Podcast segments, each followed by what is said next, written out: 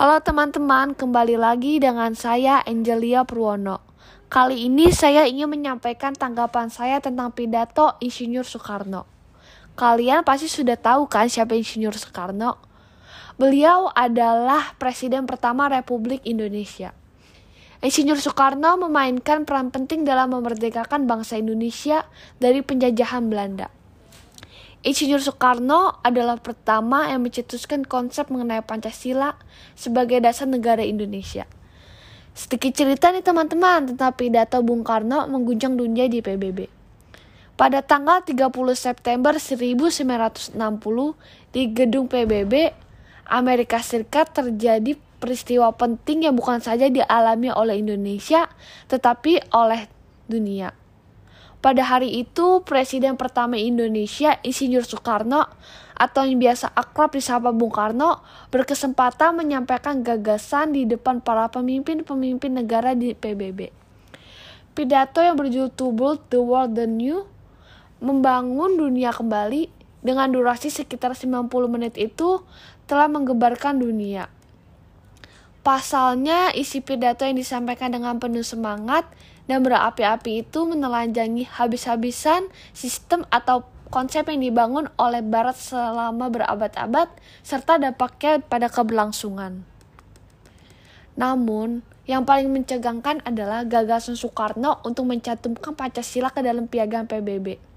Menurut Soekarno, piagam PBB sudah ketinggalan zaman untuk memecahkan persoalan-persoalan dunia tapi tanpa ragu, Soekarno mengurai, menguraikan filosofi Pancasila di hadapan para pemimpin-pemimpin dunia yang hadir dalam sidang PBB.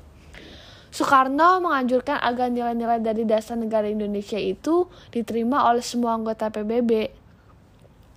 Seyakin-yakinnya bahwa diterimanya kelima prinsip itu dan dicantumkannya dalam piagam akan sangat memperkuat perserikatan bangsa-bangsa.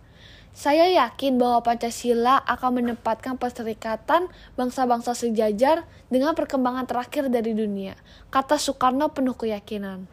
Nah, tanggapan saya tentang filosofi Bapak Insinyur Soekarno itu sangat bagus karena beliau sangat antusias untuk menyematkan Pancasila di piagam PBB.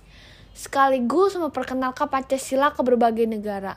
Karena Pancasila sendiri sangat bermakna bagi keluarga negaraan kita kita pasti tahu bahwa Pancasila adalah ideologi dan dasar bagi negara Indonesia dan banyak sekali nilai-nilai yang terkandung dalam Pancasila. Selain mempromosikan Pancasila, Soekarno juga memperkarakan markas PBB yang berlokasi di Amerika Serikat. Menurutnya, bukan tepat yang tepat karena berada dalam salah satu negara adik kuasa. Soekarno menyarankan agar markas PBB dipindahkan ke negara Janewa atau Asia Afrika yang lebih netral. Tidak lupa pula Soekarno mengangkat kepentingan nasionalnya dalam sidang. Soekarno menegaskan bahwa toleransinya atas Irian Barat sudah hampir habis. Kegagalan PBB dalam menangani sengketa ini berarti pemakluman atas tindakan imperialisme Belanda. Menurut saya itu sangat bagus, karena PBB bukanlah organisasi di individu, tetapi organisasi kekerjasamaan antara negara. Maka tidak salah kalau didirikan PBB di berbagai negara, asalkan organisasinya maju, adil, dan sejahtera. Pidato itu menurut Ganis Harsono, juru bicara Departemen Luar Negeri, yang menyaksikan orasi Soekarno padat isi tajam dalam argumentasi, dan bulat keyakinannya. Pidato ini berhubungan langsung dengan Majelis Umum PBB. Sebuah pidato yang paling kontroversial yang pernah disampaikan di hadapan sidang Majelis Umum PBB. Tulis Ganis dalam cakrawala politik era Soekarno.